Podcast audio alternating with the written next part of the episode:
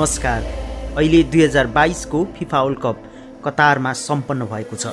कुल बत्तीस राष्ट्र संलग्न यो विश्वकप फुटबल आयोजना गर्ने देश कतार पहिलो गल्फ नेसन हो र सबैभन्दा सानो देश हो। करिब तिन मिलियन पपुलेसन भएको कतारले यो विश्वकप आयोजना गर्न झन्डै दुई सय बिस बिलियन डलर खर्च गरेको छ।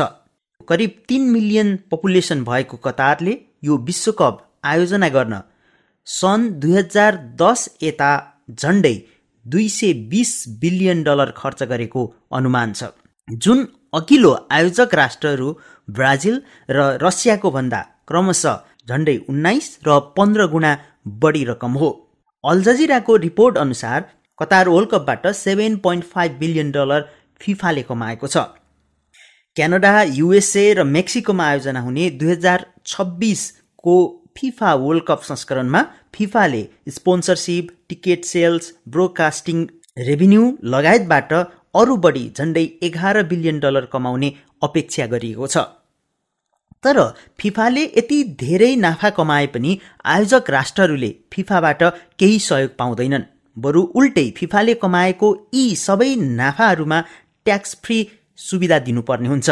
यदि त्यस्तो हो भने यति धेरै लगानी गरेर यी आयोजक राष्ट्रहरूले के फाइदा पाउँछन् त? आज हामी यो भिडियोमा कतारमा वर्ल्ड कप फुटबलले पारेको इकोनोमिक इम्प्याक्टको बारेमा चर्चा गर्नेछौँ।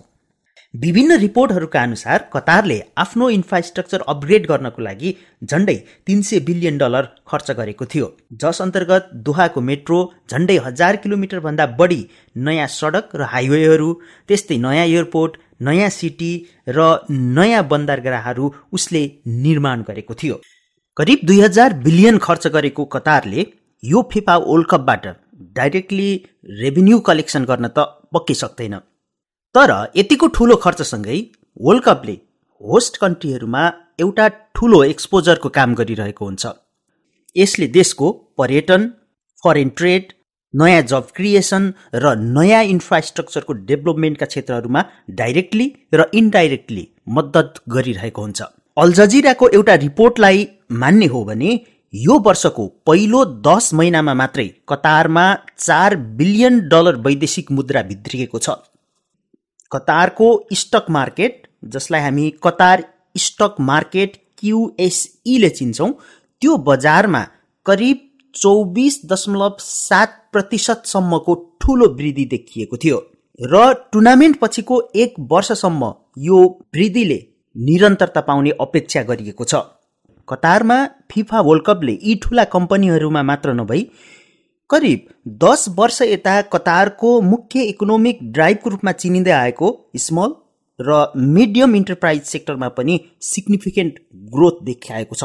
यो वर्षको फिफा वर्ल्ड कप इभेन्टसँगै कतारले विश्व बजारमा आफूलाई तेल एक्सपोर्टरको रूपमा मात्र नभई आइटी र एआई सेक्टरको एक्सपोर्टको रूपमा पनि उभ्याउने प्रयास गरेको छ।